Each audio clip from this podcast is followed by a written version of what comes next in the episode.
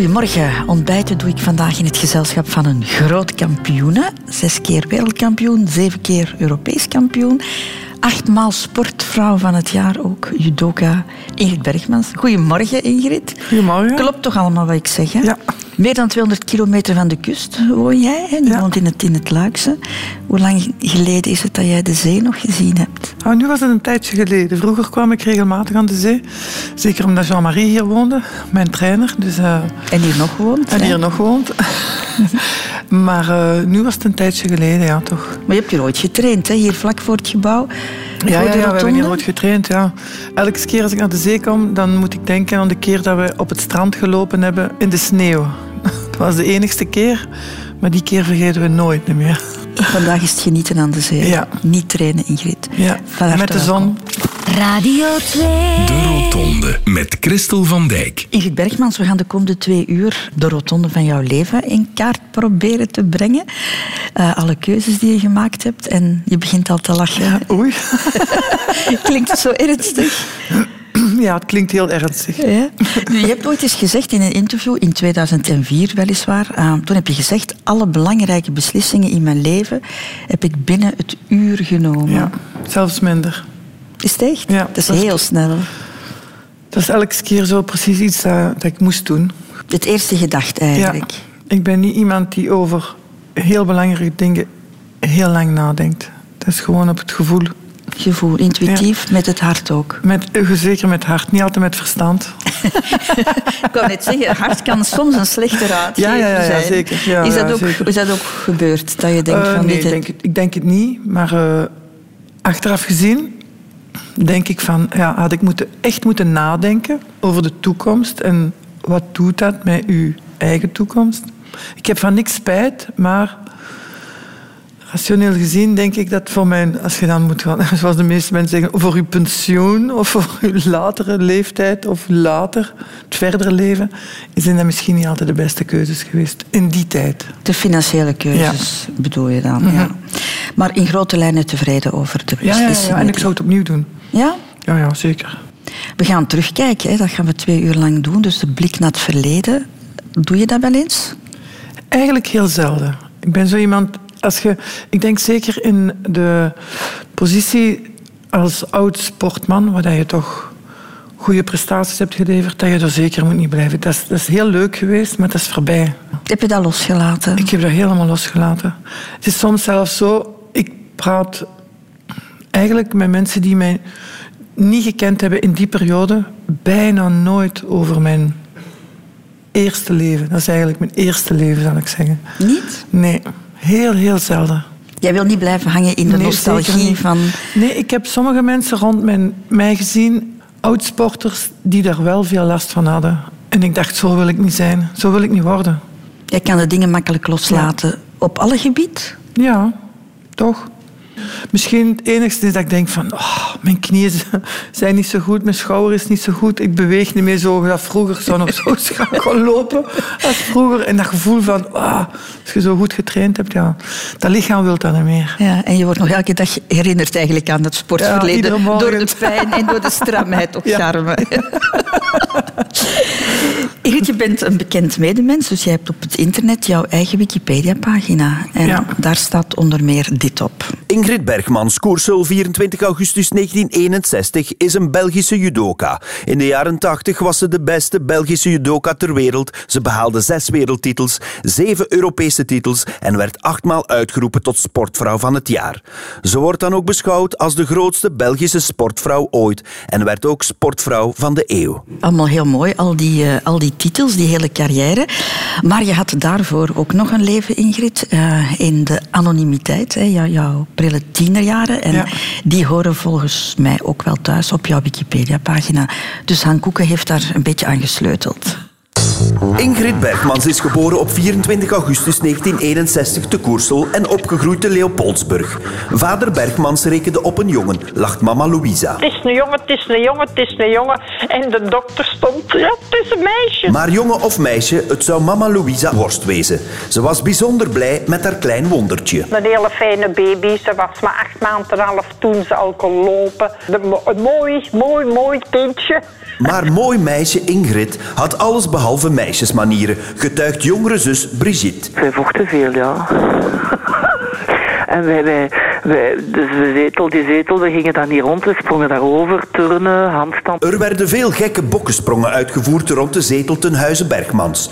Toch betekende dat niet dat Ingrid een moeilijk kind was. Wel in tegendeel, getuigt mama Louisa. Een heel gemakkelijk kind, ook als puber eigenlijk. eh, met eten ook. Het was altijd, mm, mama, mama, lekker. Vader Jos vond dat de twee meiden hun energie beter elders kwijt konden geraken dan in de zetel. En stuurde Ingrid en Brigitte op negenjarige leeftijd naar de judo, vertelt kozijn Lou Bergmans. Ik denk wel dat het een beetje zijn dochters gestuurd heeft naar de judo. Dat het toch wel een soort van compensatie was van...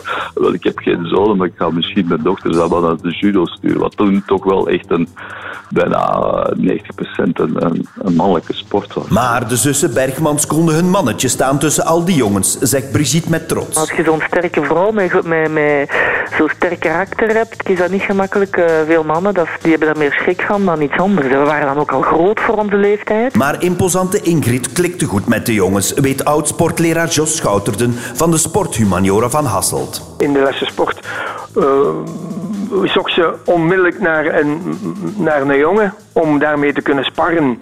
Omdat meisjes, eh, ja, dat, dat was toch wat te weinig voor haar. En dat er een groot sportkampioen in Ingrid schuilde, had sportleraar Jos al heel snel door. Ze had echt een, een, een mentaliteit om sport te doen, dat was puur sang. Ze had een onverzettelijkheid, verliezen, dat bestond niet. Dat kon niet. Vanaf haar zestiende reed Ingrid elke zaterdag met de boemeltrein van Leopoldsburg naar Brugge voor de nationale judo-trainingen. Met succes. Op haar negentiende werd ze in New York voor de eerste keer wereldkampioen. Plotseling was Ingrid wereldnieuws in België en de belangstelling was overweldigend, weet zus Brigitte. Mijn mama die had emmers vanuit de buurt om de bloemen in te zetten. Echt waar, hè? En het zou niet bij die ene bos bloemen blijven. Ingrid was op haar 19 jaar nuchter en gefocust genoeg om nog vele titels op haar naam te schrijven. En de rest is history.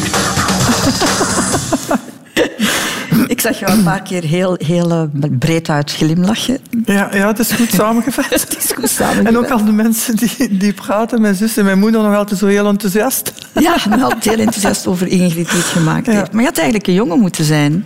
Ja, op, op- mijn vader is onlangs al een paar jaar gestorven. En die zegt altijd van, waarom zeg je dat altijd? Dat is niet waar. Maar dat is wel waar. Ja, Lou zei het zelf ook. Maar klopt het dat jouw ouders zelfs geen meisjesnaam hadden? Ja, mijn moeder ze hebben dat tegen ons gezegd, want wij hebben alle twee een naam van in die tijd. Ja, Ingrid Bergmans, Ingrid Bergman, de, de actrice. En Brigitte is BB, Brigitte Bardot. Dat mogen we niet zeggen, maar dat was zo. BB. De rotonde van het leven, Ingrid Bergmans, begint bij geboren worden. We hebben het daarnet gehoord, je bent de oudste in een eh, gezin van twee dochters. Jouw vader had eigenlijk op een jongen gehoopt. Heb je dat gevoeld in jouw opvoeding? Ik denk dat mijn vader ons niet heeft opgevoed van dit is voor meisjes en dit is voor jongens. Ook niet alleen dingen gedaan voor jongens, maar dat we moesten opkomen voor onszelf. Eigenlijk, achteraf gezien, heeft mij, hij mij ook mijn keuzes laten maken. Beginnen judo doen en stoppen met school en, en dan alleen verder gaan met judo. Dat is toch geen... In die tijd... Nu lijkt dat misschien allemaal eh, iets makkelijker, maar in die tijd ging een vrouw niet echt sporten of werd geen sportfenomeen en zeker niet in een mannensport. Dus hij heeft mij die keuzes laten maken en dat komt doordat hij van kleins af aan bijvoorbeeld ik weet niet op welke leeftijd moesten wij de zaterdag, toen ik nog niet ging trainen zaterdags, ene zaterdag moesten we ons moeder helpen binnen in het huis, afwassen en stofzuigen en, en helpen. En de ander mocht ons vader gaan helpen buiten. En wij gingen liever buiten ons vader helpen, maar we moesten de twee doen. Dus we moesten ook niet alleen rokjes dragen. Of, eh, ja, bedoel, hij heeft echt die keuzes aan ons gelaten. En dat is misschien ook mij geholpen om te doen wat ik gedaan heb. Je eerste pop heb jij pas op je elfde gekregen. Ja, dat waren autootjes en een bal. Een bal, maar ja, uiteindelijk. Want we woonden vroeger, als ik heel klein was, ik heb er foto's van gezien, aan een voetbalveld. Dus dat was gemakkelijker van met een bal gaan te spelen dan met een fiets misschien op het voetbalveld. Dus je was niet echt een meisje-meisje. Nee, helemaal niet. En kwam dat door de opvoeding, denk je? Of, of zat dat gewoon in jou? Want je zei boksen met mijn zus, vechten. Ja, vechten. Wij vechten. Het was, het was... We hebben op een gegeven moment op internaat gezeten, omdat wij als we alleen thuis waren, als onze ouders gingen werken, want mijn vader was vrachtwagenchauffeur, vertrok heel vroeg, kwam laat thuis. En mijn moeder werkte op fabriek. Dat ze ons op internaat in Leopoldsburg gestoken hadden, omdat wij te veel, dat ze bang hadden dat we de boel gingen afbreken. Dus uh, dat zegt zich op zichzelf wel iets, denk ik. Ja, je bent niet echt bemoederd dus. Nee. Je bent vrij, redelijk vrij opgevoed. Oh, ik heb, was- mijn, ons heeft ongelooflijk voor ons gezorgd. Het is wel bemoedigd, maar niet ja, zelfstandig. Dat bedoel niet, eh, Niet te beschermend, beschermend. Dat ja. is beter gezegd. Ja. En heeft jou dat geholpen, denk je, in, in je latere carrière, die opvoeding die je gekregen hebt? Eh, ja, ik denk het wel. Maar ik was ook zo gedreven omdat ik dat absoluut wou doen. Ik kan dat eigenlijk, dat is precies zo. Je kunt dat, je kunt dat, ik heb dat nooit echt kunnen beschrijven, maar ik, had ervoor, ik heb er op een gegeven moment voor gekozen en dat was dan gewoon zo van. Ja, dat was een obstakelparcours, maar die obs- obstakels die zag ik niet, die gingen er gewoon, gingen er gewoon door. Mijn vader heeft gezegd, juist voordat hij stierf, hij zei tegen mij: Ik begrijp niet hoe gedreven dat jij werd. En op het moment dat jij besliste om de judo gaan te doen, hadden wij de deuren kunnen op slot doen en de vensters toe doen. Je had gewoon door de muren gelopen, je had dat beslist. En wij wisten op dat moment dat we er niet tegen konden gaan. Maar het is wel dankzij jouw vader ook dat je met judo Ja, ja, ja. begonnen bent. Ja. Hoe ben je voor de rest opgevoed, eh, Ingrid? Wat vonden jouw ouders nog, nog belangrijk? Goh, dat is eigenlijk een moeilijke vraag. Heel familiaal. Mijn kerstmis was echt zo een, een family day. En mijn vader was niet zoveel thuis omdat hij heel veel in de camion zat. Maar ja, familiegeest. Dus samen onder ons gevieren, ook met de familie, de grote familie, maar zeker onder ons gevieren met de ouders en met mijn zus. En eh, respect, denk ik. Beleefd zijn. Alle, die- alle gewoon dingen dat soms grote mensen nu vergeten. Is het waar? Ik vind, ik vind dat er minder respect is en minder beleefdheid en minder... eh, mensen zijn egoïstischer. Je was een heel gedisciplineerde, vertelde jouw zus ons, op alle gebieden. Ja. Niet alleen op sportgebied, maar op alles. Ja. Mijn zus was dat iets minder. Dat was meer een losbol, zal ik zeggen. Maar in de sport, ja, ik zeg het, ik heb dat, ik heb dat altijd nooit goed kunnen, kunnen plaatsen. Het moeilijkste waar ik het mee gehad heb, is toen ik dus echt wereldkampioen word, waar ik op zich niet achter gestreefd heb. Ik wou gewoon zo goed mogelijk zijn als ik kon. Alles zo goed mogelijk doen. Misschien dat met de discipline. Zoals bijvoorbeeld, eh, ik was op 18 jaar, had ik twee, heb ik twee zilveren medailles gewonnen op de Europese kampioenschappen, omdat ik in twee categorieën vocht. En een paar maanden ervoor, want toen was er geen Jean-Marie en de, de, de trainer van mijn club, dat was gewoon twee keer per week gaan trainen. En ik ging zaterdags in Brugge trainen met de boemeltrein. En toen dacht ik van ja, ik had zo gelezen in de krant en op tv dat al die sporters, die deden conditietraining. En conditietraining was lopen. Maar ik ging al naar de sportschool met Jos Schouterde. Ik zat daar in de handbalploeg ook. Maar ik nam de bus om zeven uur, dus had ik beslist van gedurende drie weken om vijf uur op te staan, gaan lopen voordat ik naar school ging, waar ik nog zoveel sporten deed. Omdat ik toen dacht van, ja, dat zal wel goed zijn voor wat ik doe. En toen kwam mijn moeder mij iedere morgen het oproepen, zo om vijf uur, van Ingrid, het is tijd, maar je moet niet, hè. Jawel. Dus, en ik zeg tegen haar daarna, waarom kwam je mij wakker maken? Ja, je werd veel te kwaad geweest, had ik u laten slapen. Dus, eh, en dat was zo, ja, ik had dat in mijn kop en dan, dan was dat gewoon doen. Het woord judo is al verschillende keren gevallen. Ingrid Bergmans, hè, je hebt die keuze heel snel genomen. Hè. Op je negende ben jij begonnen. Ja, nou, die keuze was toen, zoals Lou zegt, misschien door mijn vader. We woonden ook wel in Leopoldsburg, waar dat er toen niet zoveel sportmogelijkheden Maar je tenniste ook? Je had daar ook Ik tenniste, ja, want ik ben naar de sportschool geweest en ik mocht naar de sportschool gaan als ik alleen tenniste. Want mijn vader was een tennisser, dus ik heb daar ook getennist. En eh dan moest een keuzesport nemen. En dan hadden we zes uur eh, keuzesport, denk ik, en daar had ik tennis. Mhm. Moest ik tennis nemen, maar ik heb dat wel heel graag gedaan. Maar toch wordt het judo. Toch wordt het judo, ook omdat op een gegeven moment werd ik eh, op het eerste Belgisch kampioenschap dat ik meegedaan heb, werd ik Belgisch kampioen, was ik 16. Stond ik twee weken later op het Europees kampioenschap.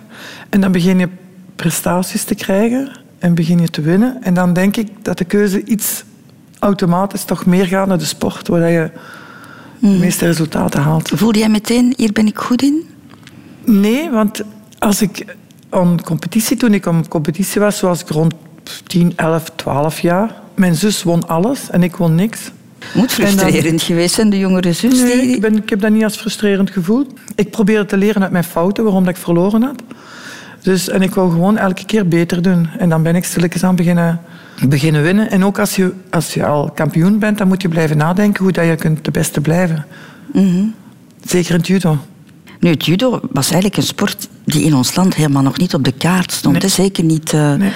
Zeker niet voor meisjes. Ja, mama was er ook niet zo'n fan Nee, van. nee, ik moest ballet doen. Ze had heel graag gehad dat ik ballet ging doen. Bon, uiteindelijk, als je ziet hoe dat ik nu groot ben en struis ben, dan eh, denk ik dat dat niet de beste sport voor mij zou geweest zijn. Het is wel ongelooflijk knap, vind ik, wat dat jij er allemaal voor over gehad Maar het is niet, ik zie dat niet als over hebben. Ik hoor sommige sporters zeggen van ja, we hebben een deel van ons jeugd niet gehad. Ik heb andere dingen gedaan dat, je, dat andere jonge mensen nooit meegemaakt hebben. Ik heb dingen kunnen doen en mogen doen die ongelooflijk zijn. Had ik als meisje alleen in Leopoldsburg geweest, was ik nooit nu de persoon geweest die ik nu ben. Want ik was eigenlijk heel timide en heel verlegen. Is het waar? Ja, en dat heeft mij bijna parten gespeeld als ik de eerste keer wereldkampioen werd. Omdat ik dat niet aankon. Dat was in de periode in 1980, was er toen eh, redelijk wat sneeuw. En was er geloof ik twee weken of drie weken geen voetbalmatchen. Ik weet niet dat mensen dat nu kunnen voorstellen dat er niks in van voetbal geschreven wordt in de kranten, omdat er gewoon geen, geen wedstrijden waren. Moesten de journalisten vinden om iets anders te schrijven. En natuurlijk, als er dan een meisje van Leopoldsburg wereldkampioen in New York in Madison Square Garden kampioen wordt, ja, op het einde van het jaar zijn er niet veel competities. Dus ik, ik ben dan zo'n beetje veel meer in de belangstelling nog gekomen dan dat zou misschien geweest zijn als de voetbalcompetitie wel zou doorgegaan zijn. Dus op straat kwamen en dan mensen zo met een vinger wijzen. En, en, ja, en, ik werd aangesproken. Ik kwam bij de bakker en dan zei ze van... Zeg, je bent op stap geweest zaterdag en je hebt een glas bier gedronken, hebben wij gehoord. Mag dat wel voor u? En dacht ik van, ik ga hier brood halen en ieder zit naar mij te kijken. En dat was toen voor mij heel, heel moeilijk geweest. En toen wou ik eigenlijk, ging ik niet meer op stap, wou ik niet meer buiten. En toen zei mijn vader, ja, dan moet stoppen met hetgeen dat je doet. Hè.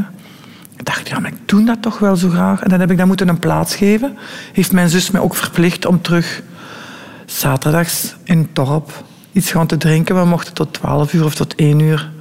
En dan eh, zei ze van, je komt met mij mee en je moet tot 10 uur of tot 11 uur blijven. En aan het begin was dat voor mij heel moeilijk. En dan ben ik door die... Ja, depressief is nu een groot woord. Hè, maar toen was ik toch een beetje eh, ondersteboven van al die belangstelling. En kroop ik liever weg Ja. dan dat ik in die belangstelling moest staan. ja. Dus door die sport ben jij wel wat uit je schelp gekomen. Ja, natuurlijk. Ook omdat ik op een gegeven moment, als je beslist om eh, school te laten vallen en wilde trainen, ja, mijn, mijn vader zei, ja Ingrid, je moet beginnen werken. Dus ben ik op mijn eentje naar Brussel vertrokken om te zien of ik daar iets kon vinden. Omdat Robert van de Wallen daar al in een, eh, een sportschool ging open doen. En zo verder. Dus eh, dan zeg je van, als ik dat wil doen, moet ik wel een beetje naar mijn schelp komen. Moet je, ja, niemand doet het in uw plaats. Hè? Nu, jouw mama heeft ons ook gezegd dat jij eigenlijk een, een brave was. Ja. Een voorbeeldig kind, niks rebel. Ik kan dat ook niet plaatsen bij een topatleet. Ja, eigenlijk is dat, vraag ik me dat nu achteraf gezien. Ik was zo gedreven in mijn judo, maar in, eh, naast het judo, naast de mat, heb ik niet die, die winnerszin van als wij een spel doen. Of zo, je ziet zo mensen die echt niet kunnen verliezen, of ook oud-sporters en die, die moeten in alles gewoon de beste zijn. Ik heb dat eigenlijk, ik had dat gewoon zelfs in het judo heb ik, ben ik nooit willen wereldkampioen worden. Dat was, geen, dat, was, dat was voor mij niet het ultieme ding. Het was gewoon zeggen, content zijn van mezelf als ik iets gedaan had. Dus mij, alles wat ik deed, zo goed mogelijk doen. En dan is dat resultaat eigenlijk erbij bijgekomen. Maar als je op de mat stond, dan dacht je niet meteen van ik ga hier winnen, ik ga hier die Jawel, wereldtitel. ik wil wel... eh, niet voor die titel. Ik wou, ik wou die match wel winnen, maar ik wou die match ook goed winnen. Ik kon heel kwaad zijn als ik van de mat afkwam, als ik vond dat ik geen mooie match gedaan had. Ook als je gewonnen. Ja. Dat is meer een gevecht tegen jezelf dan, Ja. dan tegen de tegenstander, als ik het zo hoor. Maar dan komt natuurlijk het resultaat er wel bij, want je, je schaaft dan ook aan alles. En na een competitie, het belangrijkste voor mij was, als ik, ja, ik had dan mijn knieën ingetaped en zo verder, van een grote analyse maken van alles. Van hoe heb ik mij gevoeld? Hoe heb ik mij voorbereid? Was dat genoeg? Was mijn conditie goed genoeg?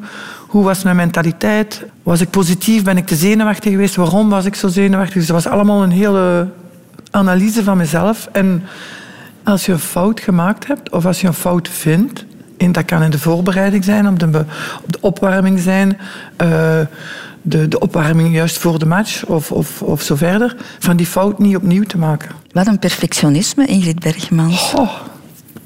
Ik denk dat dat gewoon de motivatie is. Ik, ben nu, eh, ik geef nu les. Als ik les geef, ik wil dat zo goed mogelijk doen. En ik doe eigenlijk hetzelfde.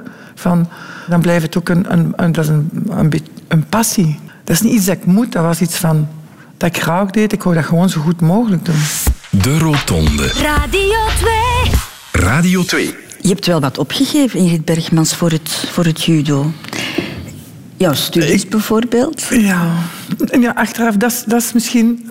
Straks, als ik zei van... eh, ik heb niet altijd nagedacht met mijn verstand, alleen met mijn hart. Dat is misschien niet de beste eh, oplossing geweest, maar op het regentaat ben ik wel gestopt, omdat ze mij op het bureel riepen en zeiden van ik misschien moest kiezen. En ik ging Want je deed regentaat lichamelijke opvoeding. lichamelijke opvoeding. Dat paste eigenlijk helemaal binnen het concept. Ja. Binnen... Dus ik wou lesgeefster worden of, eh, of lerares. ik wou er iets mee verder doen. Maar als je dan terug in de klas ging zitten en ik dacht van... als ik nu nog een jaar of twee uit het judo ga en ik ga uit de competitie... is het heel moeilijk om terug in te pikken op, de, op het niveau dat je hebt. En verlies je wat eh, gevoel met die sport. Dan dacht ik van, ja... is niet gezegd dat ik dan opnieuw goed word... En ik zou toch graag nog wel daar verder in gaan.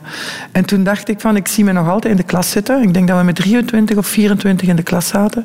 En ik dacht van, ja, ik kan het ook andersom doen. Ik kan even stoppen met studies doen. Proberen mijn judo te doen. En dan, als dat niet lukt, kan ik nog altijd terug naar school komen. Want ik was maar 21. Maar je bent eigenlijk gedwongen hè, om te stoppen, ook voor een groot deel. Gedwongen. Ze, ze, ze- ik moest de keuze maken. Dus ik mocht... Ik er werd gezegd dat ik toen... Was er niet zo dat er een, een, een mogelijkheid was waar je kon het jaar en twee doen, zoals het nu gebeurt met sommige sporters. Topsportscholen, top- ja, ja. Topsportschool of in eender eh, school, dat ze u de optie laten van een, in plaats van in één jaar, twee jaar de studies te doen, dan heb je ook minder materiaal dat je moet leren en zo. Dat werd dan ook gezegd van als je keuzes maakt. Ik kwam van Canada, ik was een week weg geweest. Een week is niet zoveel. dacht ik van ja, dat wil zeggen dat ik het buitenland bijna moet vergeten. Dat kan niet als je wilt verder doen. Dus eh, toen had ik de, de keuze gemaakt van even de studies aan de kant te zetten. Dat werd jou echt letterlijk zo gezegd. Ja. Je moet kiezen. Ofwel Ja. volg je... Dat horen ze misschien niet graag, maar dat is zo. Hoe lang heb je daarover nagedacht? Dat is in de, op de middag of in de namiddag gebeurd. En ik ben thuisgekomen. Ik heb mijn boekentas in de, in de hoek gezet en ik ben niet meer naar school geweest. Dat had ik toen in de klas bes- bes- beslist. En ja, met de bedoeling van misschien ooit nog studies te doen, als het niet lukt in het judo. Maar ik heb dat niet op de beste manier gedaan, want dat was natuurlijk wel een bom voor mijn ouders.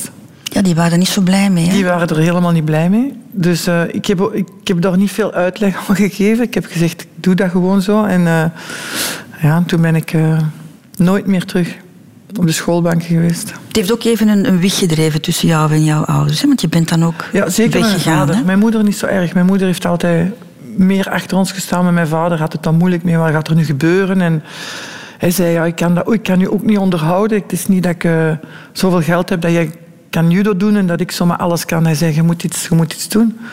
En dan ben ik naar Brussel vertrokken. Dan ben je bij Robert van de Wallen gaan wonen. Ja, maar zeker gaan werken. Ben ik werkvrouw geweest. Poetsvrouw. Om het allemaal te kunnen betalen. Om het allemaal te kunnen betalen, om een inkomen te hebben. Ik had nog nooit gepoetst bij ons thuis.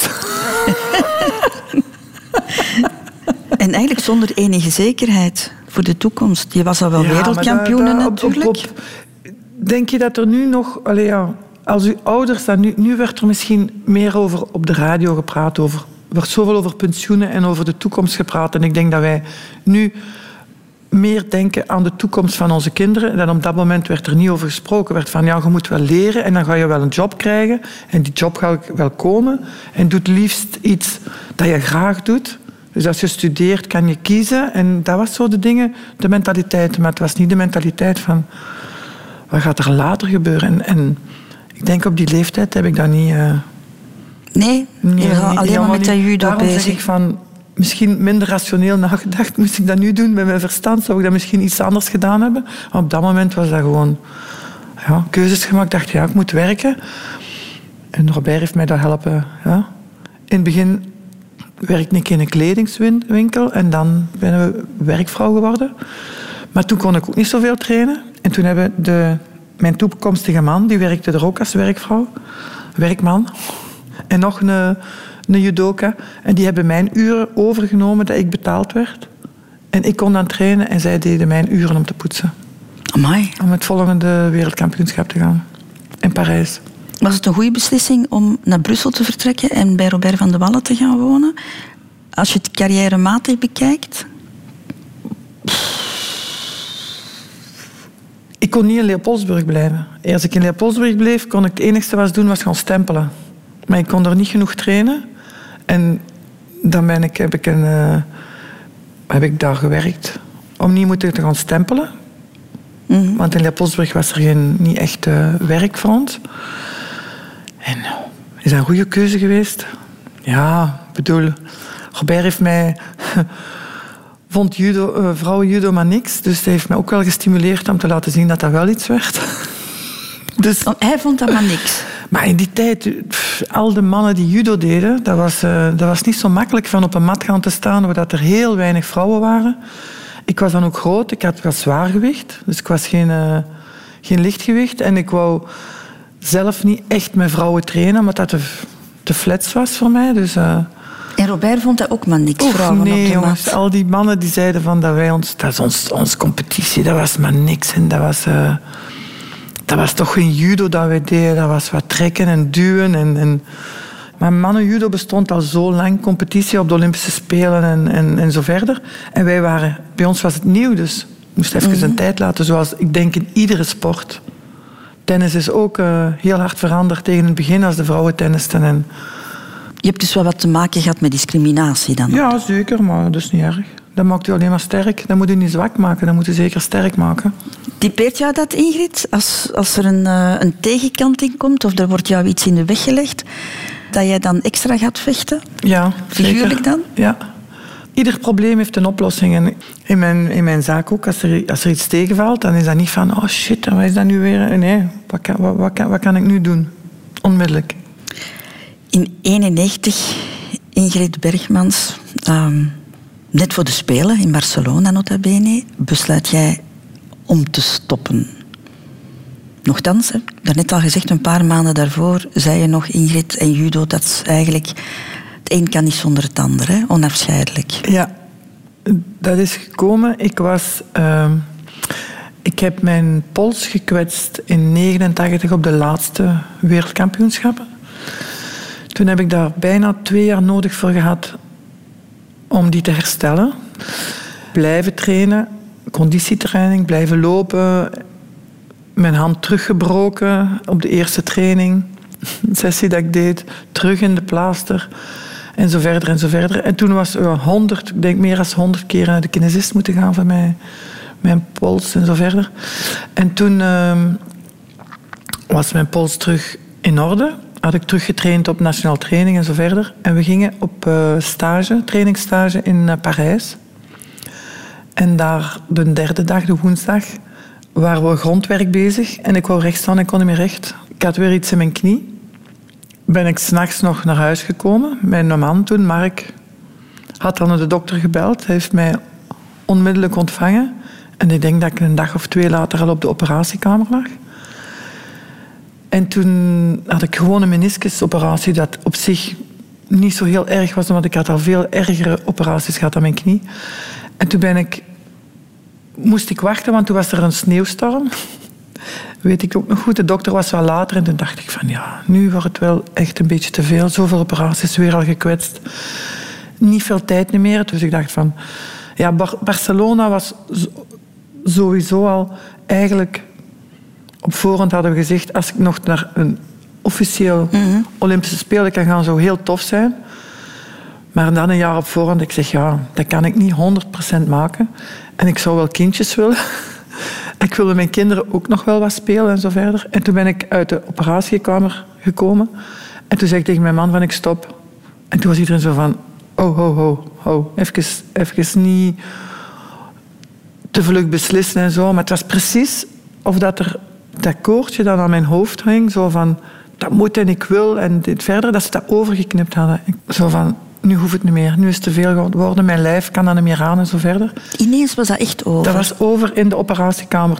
Terwijl dat ik nog naar huis reed, dat ik naar de dokter ging, voordat ik het ziekenhuis inging, het was allemaal nog... En, en de planning was er al van, ja, zo lang buiten en we gaan dit doen en ik moet naar daar en die stage en zo. En in de operatiekamer. Ik heb nog even alleen gelegen omdat de dokter moest wachten omdat hij niet op tijd kon aankomen met de sneeuw. En dat is zo precies een stemmetje in mijn hoofd en eh, het was weg. Het was gewoon weg, want ze hebben mij nog naar Japan gestuurd. Waar ik op de mat stond en zo van naar de aan het rondkijken was van... Wat doe ik hier? En een kimono aan. Een kimono aan. Het is precies dat eh, dat ik iemand anders was. Het was weg. Misschien nog een geluk dat je er eigenlijk niet zo lang hebt over moeten twijfelen. Dat dat je, Nee. Want het kan ook een leidersweg nee, maar ja, zijn. dat was weer zo'n beslissing die ik toen zo gemaakt heb. En, eh, Wist je ook dat het een definitieve keuze was? Ja, ik wist het al als ik uit de operatiekamer kwam. Maar mijn man zei tegen mij, Ingrid, ik wil... Je doet wat je wilt, jij beslist. Ik ga niet zeggen wat ik ervan vind.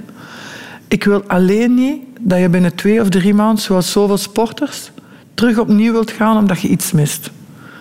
Ik zeg, ik, zie, ik kon op dat moment niet, niet pakken dat ik, dat ik ging stoppen, want ik was er zo gedreven in en zo. Hij zegt van, en dan binnen drie maanden zeggen van, ja, misschien had ik dat niet moeten doen. Hij zegt, ik geef u een maand. Op het einde van de maand zeg je echt wat je gaat doen, maar dat gaat dan ook de beslissing zijn dat je wilt.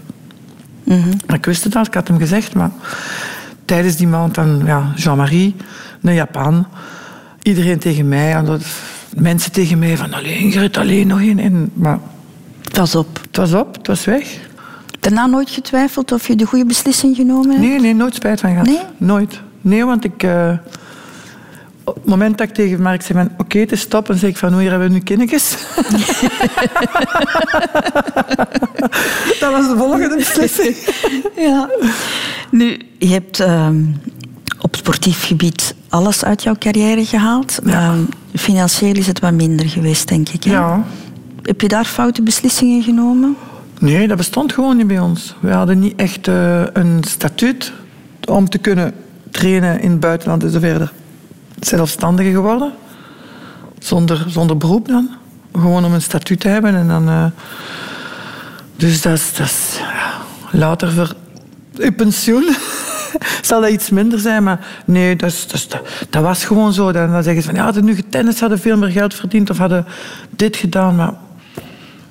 Maar ik deed gewoon judo graag. Dus ik heb daar niet veel... Dat was zo nu een keer. Ik sta daar niet zo stil bij. Ik heb toch altijd een dak boven mijn hoofd gehad. Ik heb mensen gehad die mij geholpen hebben dat ik heb kunnen judo doen. Anders hadden wij dat nooit kunnen doen. eh, Of, of zoveel tijd in, ons, in, ons, eh, in onze trainingen steken dan dat we nu gedaan hebben. Dus eh die ben ik heel, heel, heel eh, dankbaar. Misschien een beetje geluk gehad dat we die mensen gehad hebben. En dat we... In alles dat je doet, moet je ook een beetje geluk hebben, denk ik. In de sport is dat... Uw kwetsuren, ik heb een paar zware kwetsuren gehad, maar die waren altijd juist buiten de grote competities. Er zijn andere atleten die juist op het moment dat ze op topniveau waren, een blessure hebben en niet naar een competitie hebben kunnen gaan. Dus niet kunnen bewijzen wat dat ze waard waren. Maar had je je naam niet wat beter moeten gebruiken om, om grote sponsorcontracten Eh, binnen ik heb te een halen? paar grote sponsorcontracten ja, Nissan gehad. en Apollinaris hebben jou ooit maar gesponsord? ik heb toen een manager gehad die mij... eh, die is dan gestorven. Eh, mijn contracten had verkocht aan een bank, eigenlijk. Dat geld vastgezet en zijn eh, schulden betaald. En toen hebben wij een paar jaar met Jean-Marie en een advocaat van Oostende, geloof ik, een eh, rechtszaak aangegaan. Maar we hebben die verloren tegen de bank. Dus je bent al je geld kwijtgeraakt. Ja, de grootste contracten op het moment dat ik het meeste had. Ja. Pech. ik heb er ook nooit over op dak gaan staan en zeggen... "Ah." Spijtig, maar... Ik heb ook mijn contracten voldaan aan mijn sponsors. Blijven verder doen, alhoewel... Dus die ook niet laten in de kou staan. Want daar konden zij niks aan doen, hè. Maar je had er financieel beter kunnen voorstaan. Ik had er financieel beter, beter kunnen, maar ook slechter. hè. Ik ben daar niet ongelukkig van geweest. Maar je moet nog wel het werken. Ik je moet kan nog wel nog niet op je lauweren rusten. Ja, nu denk ik van, ja, nu was het misschien goed geweest. maar ja, Radio 2. De Rotonde. Een heel persoonlijke afslag in het leven, Ingrid Bergmans, is ehm, kiezen voor de liefde. Mag ik zeggen dat dat niet altijd een pad op rozen geweest is? nee, nee. Nee, dat maakt u ook sterk, hè. Maar had je dat verwacht in jouw tienerjaren? Heeft iedereen het gemakkelijk? Heb jij het allemaal gemakkelijk gehad in uw, in uw liefdesleven? Nee, nee, nee, nee, nee. Oh, wel dan. Ik denk dat dat gewoon... Voilà, ja. Dat maakt liefde ook mooi, hè. Als alles te gemakkelijk was, zou het misschien ook minder intensief zijn, hè. Of intens, wat ik bedoel. Heeft jouw carrière een invloed gehad op dat gebied? Op, op relaties? Het is wel zo dat tijdens mijn carrière mijn judo voor alles stond. Ook voor mijn relatie. Wat natuurlijk niet altijd gemakkelijk geweest is. Dat was gewoon het belangrijkste. Dat wisten ze ook wel. Je bent vier jaar samen geweest met Robert van der Ballen, Ja. ook een bekend judoka. Twee topatleten samen. Hoe matcht dat?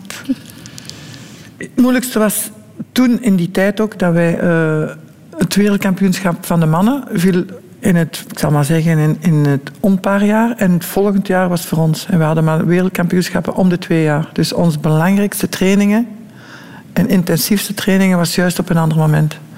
Dus dat wil zeggen dat wij altijd bezig waren. Ofwel was de ander weg. Ofwel. Dus eh, dat was niet makkelijk. Nee, twee strevers bij elkaar eigenlijk. Ja, hij heeft mij wel leren afzien. Hè? Want toen als ik eh, in Brussel kwam en ik begon te trainen in Brussel, was het, het, het trainingsprogramma van Robert was al ongelooflijk zwaar. En dat was gewoon zo bijna normaal dat ik dat ook ging doen. We gingen bijvoorbeeld trainen met een bil. Dat was zo een, eh, een eh, leren pop die 30 kilo weegt. Maar 30 kilo dat niet beweegt, is ontzettend zwaar. Dus wij moesten een soort training doen met die pop, maar Robert woog 100 kilo, ik woog 70 kilo. Dus dat was zomaar normaal dat ik met die pop ook ging trainen. Geen lichter pop, maar dezelfde pop. Dus de, de, de uithoudingstraining dat wij deden. En iedereen in het buitenland zei gewoon dat wij gewoon totaal gek waren. Jullie waren een soort glamourkoppel wel, hè? herinner ik mij zo. Dat was zo. Ingrid Bergmans en, en, en, Robert van de Wallen. Dat was zo, ja, wij vonden dat mooi. Zo. Ja, ja, natuurlijk. Ja. Alle twee kampioen. maar ja, misschien niet op het goede moment. jong, ja. Je was ook nog jong Ja. toen, hè? Ja, ik kwam uit een dorpje naar Brussel, naar met die trainingen. Eerste training stuurden ze mij in Parijs op stage. Alleen maar mannen. Twee kamers, dus ik moest bij de mannen slapen, bij de mannen douchen. Bij de mannen, als ik dat tegen mijn moeder zei, die, werd, die viel bijna van haar stok. Maar het was zo, dus... eh, Het was dat of niks, dus go for it. Het heeft niet mogen duren, hè? Ja, Nee. Maar je hebt dan daarna een relatie gehad, of eh, jullie zijn getrouwd met, met Marc Fallot. Ja. Ook een, een, een Waalse judoka. En je trouwt in 1990, nog in volle carrière. Ja. Waarom wou je toen die stap zetten? Omdat ik tegen hem gezegd had dat ik kinderen wou. En hij was niet zo geslepen op het idee van kinderen te hebben. En daarna, de week daarna, zei ik tegen hem... Ik zeg, als we kinderen hebben, wil ik trouwen. Gewoon om de zekerheid van... eh, ik bedoel, als je iets... Kinderen is toch een heel belangrijke... Dat doe je niet alleen voor jezelf. Je moet ook zien hoe dat ze daarna dat zij iets goed hebben. En toen zijn we op voorhand getrouwd. Dat was een akkoord, want hij wou mij houden. Omdat hij wist, als die kinderen er niet kwamen, dan was ik niet gebleven. Ook Is het waar? ja, Die kinderwens was zo acuut Ja. aanwezig. dat wist ik al als ik jong was. Het is voor mij onvoorstelbaar dat ik geen kinderen zou hebben. Maar kinderen met iemand, niet kinderen alleen. Negen jaar zijn jullie samen geweest. Hè? Er Ja. zijn twee kinderen gekomen. En dan zijn jullie uit elkaar gegaan. Mhm. Je hebt dat ooit eens de grootste nederlaag uit jouw leven genoemd. Dat is ook. En waarom? Altijd over de kinderen. Dat veel, nou ja. Misschien ook omdat die... Wat je straks zei van de opvoeding. Van ik had zo'n goed familieleven en jeugd gehad. Dat ik dat heel graag aan de kinderen had gegeven. Het is niet gebeurd, Nee. maar En dan is ze nog vertrokken ook nog. hij is weggegaan, hè? Ja. Maar hij is ook gestorven ook, hè. Dus dat is nog het moeilijkste geweest, denk ik. Hij is weggegaan voor iemand anders. Ingrid, wat heeft dat met jouw zelfvertrouwen gedaan? Ah, niet, niet, niet goed, natuurlijk. Dat is, niet, dat is nooit leuk. Dat is nooit leuk. Maar dat is blijkbaar in mijn liefdesleven heel dikwijls geweest. Dus Geef je jezelf dan de schuld daarvan? soms wel denk van ja, misschien niet genoeg aandacht of ja, ik weet niet. Misschien te druk bezig geweest met hetgeen dat je bezig bent. Eerst met de carrière, dan met de kinderen en de zaak. We hebben, een, we hebben op heel korte tijd, we zijn getrouwd, we hebben twee kinderen gehad, we hebben de zaak gehad. En de zaak was gewoon ons derde kind. Dat is nog altijd mijn derde kind. Dus Mekaar een beetje kwijtgeraakt Ja. dan, daardoor. ja. Ja, ook wel twee kinderen op heel korte tijd Ja. natuurlijk, hè? Dan raken mensen Ja, maar elkaar. was niet echt gepland. We waren drie maanden open in de zaak als ik zwanger was. Dus eh Mhm. dat was paniek voor hem. Maar ik dacht van, ja, het is zo, dus we moeten dat wel. Hè. Je hebt het ooit eens heel mooi gezegd in een Franstalig interview. eh, Il est parti avec mon cœur. Oui. Hij heeft mijn hart meegenomen. Toch? Oh, klinkt hard, Ingrid. Dat is ook zo. Dat is, dat is nu, alleen nu, ik heb opnieuw een relatie. Ik ben 15 jaar alleen geweest. Dus eh, heel lang alleen geweest. Maar dat is niet... Ik ben van Mars gevallen. Als het allemaal gebeurd is. Dus eh, ik heb het er heel moeilijk mee gehad. Ik heb ook allemaal altijd ziekenhuis gelegen ervoor. Dus eh, daar heb ik een serieuze depressie gehad. Maar het weekend wou ik buiten, omdat ik de kinderen niet alleen wou laten. En... en toen is hij gestorven, dus dacht ik van ja, nu gedaan met, met triestig zijn, gewoon eh, er zijn voor de kinderen. En dan heb ik dat ook redelijk kunnen van mij afzetten en zeggen van, kinderen hebben er niet voor gevraagd. Dus eh mij kunnen oppeppen om terug actief te zijn en terug eh, niet bij de pakken blijven stilzitten. Dat is niet altijd makkelijk geweest als je een dochter van zeven en een zoon van negen hebt. En de zaak. En mensen die op dat moment, ja... Mensen vinden altijd als, je, als er een relatie niet 100% meer is of, of stuk loopt, moeten altijd kiezen. Ik bedoel, dat hoeft niet. Vrienden moeten kiezen. Ik was dan ook verhuisd. Misschien toen spijt gehad dat ik in Wallonië wo- woonde en dat ik graag had teruggekomen naar Vlaanderen. Maar dat toen mijn kinderen zeiden van mama, alstublieft, mogen wij hier blijven bij ons vriendjes? En dat ik dan gekeuze gemaakt heb voor hen toch in Wallonië te blijven. Nu op dit moment woon ik al zo lang daar dat ik denk van ja, moest ik nu terug naar Vlaanderen komen? Ik woon al 32 jaar daar, dus... eh, Voilà. Maar ik val nooit meer van Mars, dat is zeker. Ingrid Bergmans, we hadden het daarnet over jouw, jouw huwelijk met eh, Marc Vallot, hè, de man waarmee je getrouwd bent. Ehm, is op de klippen gelopen na, na negen jaar. Je hebt het daar heel erg moeilijk mee gehad. En, en nog altijd, heb ik de indruk. Ben je daar nog altijd niet mee in treinen? Eh, nee, ik denk het niet. Omdat doordat hij gestorven is, dat er nooit een, een, eh, een serieuze discussie geweest is over het hoe en waarom. En, en voordat hij gestorven is, is er zoiets van dat, er, dat ik een gesprek mis. Geen uitleggengesprek. Maar toch wel antwoorden, de Ja. reden waarom. Ja. Had je gehoopt dat het nog in orde zou komen? Dat er nog een Denk het wel, verzoening... achteraf gezien wel. Ja, maar hij is dan gestorven. Ja. Heel plots, hè? Heel plots, ja. We waren op vakantie en zijn ze, mijn zus mij komen halen. En ze klopten op de deur en ik wist al dat er iets was. Heel, heel raar. Intuïtief. Ja. De kinderen waren nog jong, hè? Negen en... 9 en 7. Mijn zoon is al heel... heel eh, die heeft eigenlijk de hele familie recht gehouden. Heel, eh, die heeft ook op negen jaar tegen mij zei van... Mama, zorg voor mijn, voor mijn zus. Mijn zus heeft u meer nodig als ik. ik zou wel doen, school en zo, houdt er met haar bezig. Heel, heel, heel... eh, en die heeft dat ook gedaan tot nu toe. Zo volwassen op die Ja. leeftijd. Dat is wel heel straf. Ja, ja. Dat was... eh, op een gegeven moment zei hij tegen mij... Na twee weken... Mama, is dat normaal dat ik niet meer ween? Ik zeg, Maxime, er zijn mensen die wenen die niet triestig zijn. Die denken dat ze triestig zijn. En mensen die lachen, die heel triestig zijn. Er zijn ook... Ik heb toen tegen hem gezegd, er zijn culturen waar dat ze feest vieren als er iemand doodgaat. Wij gaan naar de kerk en iedereen... Of we gaan niet naar de kerk, of we begraven iemand. En iedereen huilt. Maar er zijn bepaalde culturen waar dat ze feest doen. Hè? Want dan gaan die naar, de, naar het paradijs. Bedoel, dat is, ons, dat is onze mentaliteit. Hoe pak je zoiets aan, Ingrid? Ik kan het me niet voorstellen. Je zit met dat verdriet van die scheiding, dan Ja. het verdriet van... van Dan eh, moet je dat van je afzetten. Hè? Niet, blijven, niet in de zetel, wat ik al van in het begin zeg. Niet gaan... Zelf, geen, allee, op dat moment was dat weer zo van... Ja, het belangrijkste was zo goed mogelijk zijn voor de kinderen. En dan, als jij in je hoekje zit te huilen, dat kan niet. Hè?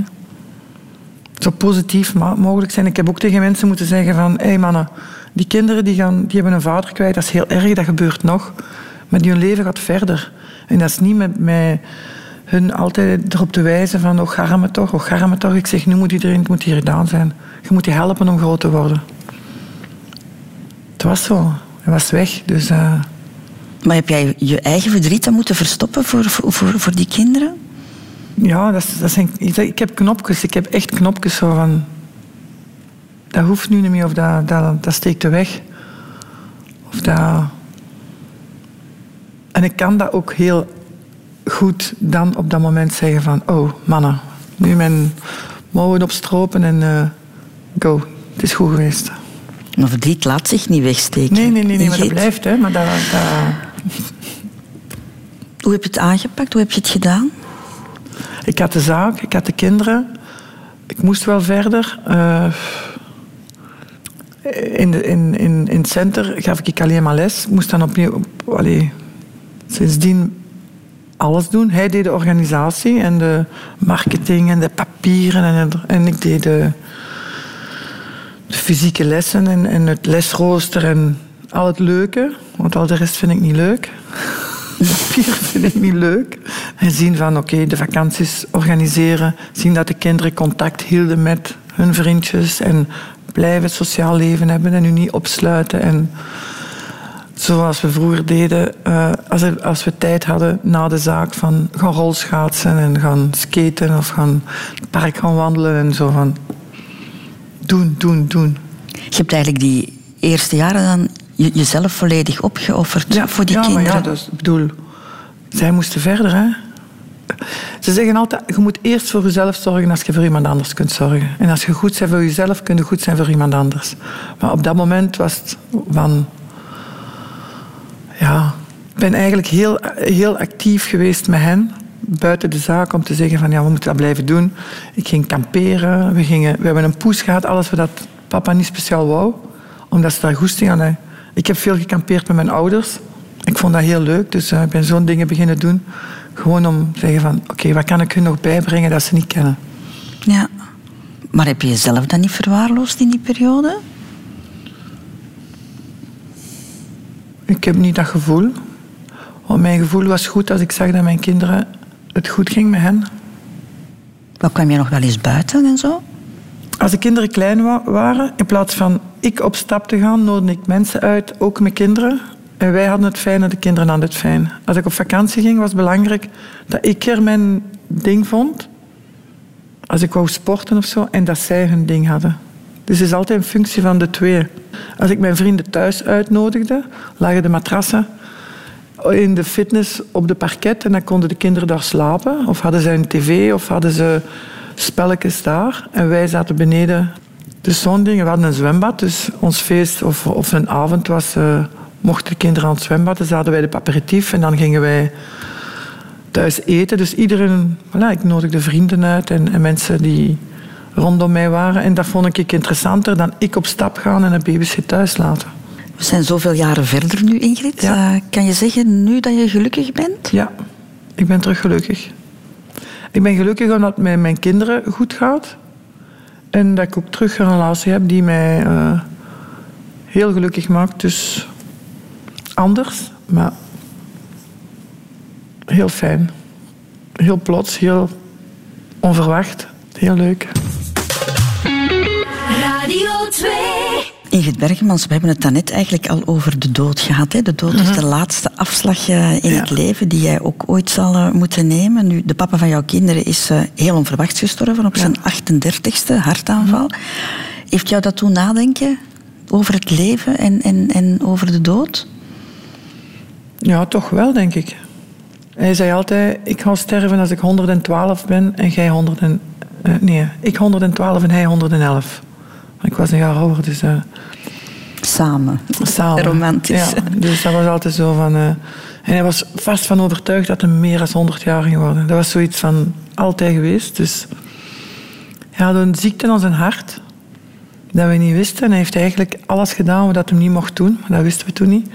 Dus weerstandstraining en alles. Hij deed zo graag... eh, hij was met zo'n elastiek, dat was toen de tijd van de brug gaan springen. Zo, dus heel veel sensatie. Allee. Dat is- dat was niet goed voor zijn hart. Dus hij heeft eigenlijk veel gedaan dat niet ten goede kwam. Hebben ze ook tegen mij gezegd van...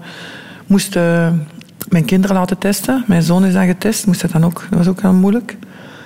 En toen zei de dokter tegen mij... Ja, misschien moeten we toch opletten van met de kinderen judo doen en zo. Want die deden toen judo. Hij deed toen judo.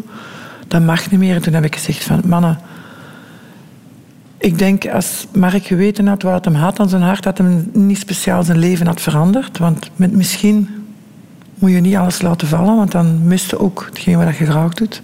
Wat ben je nu bang bijvoorbeeld voor de kinderen? Oh ja, dat ik zou niet... Want ze zijn getest, hè? dus dat heb je Ja, wel. dat ja, heb je wel. Dat is nu... Die zijn getest en, en mijn zoon woont in Madrid nu, dus hij zit in Spanje. En die is er ook al getest geweest, dus eh, het dossier is er naartoe. Eventueel omdat hij een kind heeft en ook voor zijn kinderen. Ah ja, want jij bent ondertussen al oma Ik geworden. ben hè? oma geworden. Sinds een jaar. Dus, eh, Kleindochter. Kleindochter, ja. Maar ik heb daar nooit niet zo heel veel bij stilgestaan. Je kunt wel ziektes overkrijgen, dus de genen en zo verder. Maar probeer dat niet... eh, Maar ben je banger geworden voor, voor jezelf, voor jouw kinderen dan? Want jij was het enige baken dan, hè? papa was, Ja, ja, was er niet meer. Ja, zeker. Ja, zien dat er mij niks overkomt, dat was wel zo van... Nee, dat mag nu niet. Dat mag nu niet. Dat mag... eh, moet ze nog wat helpen. Ik moet er nog wat zijn voor hen. Dus dat was wel... En daarmee ook, ja... Blijven proberen optimistisch te zijn en niet blijven bij de pakken stilzitten. Want wat ik er straks zei, ze had een vader verloren, mijn leven gaat verder. Hè? En dan kun je heel triestig blijven wezen. En dan, dan gaan zij heel hun leven ook misschien eh, eerder bij de pakken blijven zitten dan verder te gaan. Dus, eh, Maar is jouw taak nu volbracht, wat de kinderen betreft, vind je? Ja, ja, mijn dochter heeft, een, eh, heel, die heeft het eigenlijk het moeilijkste gehad, ook als ze in, in haar puberteit en zo verder. Dus eh, dat is een moeilijke periode geweest. En dat was, dan ging ik soms ook naar zijn graf en dan dacht ik zo, waarom zit je, je niet nu hier? Om mij te helpen. Nu, nu gaat dat beter, nu wordt er ook over gesproken. Zo. Hoe dat, Manon is nu ook eh, 26, dus die kan ook meer zeggen wat ze toen gevoeld heeft, hoe dat zij daar beleefd heeft en zo verder. Dus, eh, De impact is groot geweest bij impact haar. is bij heel- heel- want zij, is ook, zij heeft een, een heel groot gat. Ze, vergeten, ze heeft heel veel vergeten. Is dat expres geweest als ze klein was? Dat weet ik niet. Dat, dat weet zij ook niet. Maar ze herinnert er bijna niks meer. En dat vindt ze spijtig. Maar, dus ze wil, erover praten. Ik praat er soms over. Maar dat- die heeft dat gewoon weggestoken. Ben je met haar in therapie geweest daarvoor, ooit? Ze is ooit een psycholoog geweest, maar dan op, op, op, eh, toen was ze al wat groter, maar ze vindt dat niet. Ze, nu doet ze, doet ze eh, educatrice, noemen ze in het Frans, ik weet niet in het Nederlands. Opvoedster. Opvoedster. Dus ze zit al veel met psychologie bezig en nu zegt ze van, ze leest ook boeken en zo en ze zegt, mama, ik doe mijn eigen therapie. Dat gaat wel goed. Dat gaat wel goed komen. Dus ze, ze heeft nu haar weg gevonden in hetgeen wat ze wil doen. Dus, eh, En ze zegt, alles wat ik nu doe, nu besef ik eigenlijk meer dingen. Misschien omdat ik wat groter en ouder ben, maar nu weet ik waarom dat jij dingen hebt gezegd of wat je doet. En, en, en ze zit er veel mee bezig en ze zegt dat ze ja, haar eigen therapie doet. Dus, eh, Het is ongelooflijk dat dat na al die jaren nog zo'n nog Ja. zo'n gevolgen heeft. ja. Een vader verliezen. Ja, ja, ja. Dat blijft, dat blijft. eh, Ja, omdat je ook een deel mist over die, wat je het straks zei over uh, mijn jeugd. Ja. Dat familiegevoel van de zondagmorgen samen pistoleken eten en, en, en gaan voilà, met kerstmis en zo. Ja, dat is, dat is iets... Dat was... Dat was weg, hè.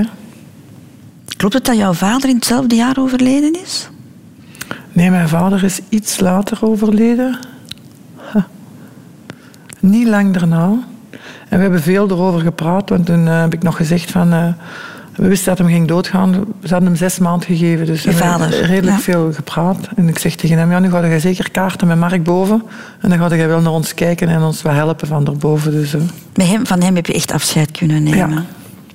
Heel veel gepraat, mijn moeder ook. Dus en ik denk dat hij ons heel veel geholpen heeft. En dat is iets dat mijn Mark mist. En had jouw vader vrede met, met het einde? Met zijn einde? Ja.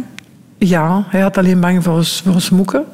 En ik heb dan ook ooit tegen hem gezegd van... Ja, wij gaan wel zorgen voor ons moeken. Je mag vertrekken, want op een gegeven moment dan blijven die... Ja, ik kon niet meer praten, ik kon niet meer... Hij was echt aan, aan, aan, aan het weggaan. En hij is dan thuis gestorven. Samen met mijn moeder, mijn zus en ik. Dus, uh... En heeft op het einde nog over jouw carrière gesproken. Ja. ja, want hij moest dan in therapie in het ziekenhuis. Moesten we hem naar het ziekenhuis brengen. En dan moesten we daar wachten. Dus hebben eigenlijk veel diepgaandere gesprekken gehad dan... Want mijn vader was zo geen babbelaar. Die trok ofwel, zei hij niks. Oh. Dus ik stopte met school. Heeft hij ook zo'n tijd niet meer tegen mij gepraat, omdat hij daar niet mee om kon. Was hij fier op jou? Ja, zeker weten. Hij zei dat niet altijd. Want hij was ook degene die, als ik op competitie ging, en hij is toch een paar keer in New York waren ze natuurlijk niet bij. In Parijs wel, denk ik. In Wenen, waar ik de grootste, waar ik twee gouden medailles gewonnen heb, waren ze er ook bij. En dan zei van, ja, Ingrid, je weet nog die match tegen die, tegen die Duitsen of tegen die Fransen of weet ik veel. Dat was op nipperken, hè. Dat was bijna misgegaan, hè. Dus dacht ik van, shit man, geef ik hier mijn gouden medaille bij. En dan gaat dat mannetje niet zeggen dat dat niet goed was. En dacht ik van, ah, hoe kan ik dat niet doen? En dat is misschien ook wel... Door zo te doen, heeft hij mij ook heel goed met mijn voetjes op de grond gehouden. Ja. Dus hebben zij nooit zo uitbundig gezegd van, wauw, gelijk iedereen deed. En dat was, als ik thuis kwam, was ik gewoon Ingrid dat was thuis, dus dat, was, dat is wel heel belangrijk achteraf geweest. Voetjes op de grond en gezond ja. boerenverstand. Ja. Kan ik het zo samenvatten? Ja. ja. Beseffen wie dat je bent. Niet denken dat je... Ook iets dat ik heel belangrijk vond en nog altijd vind, is het is niet omdat je zes keer wereldkampioen bent, dat je beter bent dan iemand anders. Als wij op competitie gingen of, of als we op stage gingen, was het ook belangrijk, de, de, degenen die voor de eerste keer meekwamen, was ik ook zo'n beetje het moedertje zo van hun helpen en hun de weg doen. En dat was niet omdat ik het allemaal kon. Dat was belangrijk voor mij ook. Egil Bergmans, zullen we ook nog eens even naar de afslag toekomst kijken? Zijn er nog dingen die je absoluut wil doen? Ja, ik zeg al heel lang, ik zou graag ooit schilderen. Is het echt? Ja. Ik heb nooit geschilderd, ik heb nooit gedaan, maar dat is al heel lang dat ik... Uh, en als ik tijd heb, tijd krijg, dan ga ik dat zeker doen. En ga je dat dan even gedreven doen als alle dingen die je, die je tot hiertoe gedaan hebt? Oeh, ik denk van wel. maar ik ben nog niet begonnen, dus ik weet niet hoe, ook wat, wat gevoel dat mij dat gaat geven. Maar ik, uh, als ik uh, klein was ook, dan speelde ik veel met kleuren en zo verder. Dus dat is wel iets dat ik... Uh, er is ook zo'n periode geweest dat je... in het Frans zeggen ze pochoire. Dat je zo een muur maakt met zo bloemenkus of, of zo een, een borduur kon maken met... Mhm. Dat je dat zelf de muur zo allee ja, schilderen met, met effect en zo. Dus dat heb ik thuis ook nog wel gedaan. Dus dat vind ik wel leuk. En dat brengt jou rust misschien ook. Ja. Het was heel fijn ontbijten met jou, Ingrid Bergmans. Dank je wel dat je tijd wou vrijmaken, want uh, je moest toch wel van een eindje ver komen ja. van Luik. En ik weet ook dat je heel hard werkt, dus uh, heel fijn dat je nog eens uh, naar Westende bent gekomen. Ook al zal Jean-Marie de Dekker er ook wel voor iets tussen gezeten hebben, zeker. Hè? Want jullie hebben elkaar nog gezien, hè? Ja, dat is ook alweer even geleden. Ja. Nog één ding dan, Ingrid, en dat is mijn gastenboek. Wil je daar iets inschrijven? Hallo. Het was lang geleden dat ik zo lang over mezelf moest spreken. Leuk gesprek dat toch wel wat emoties teweegbracht. Dikke knuffel, Ingrid.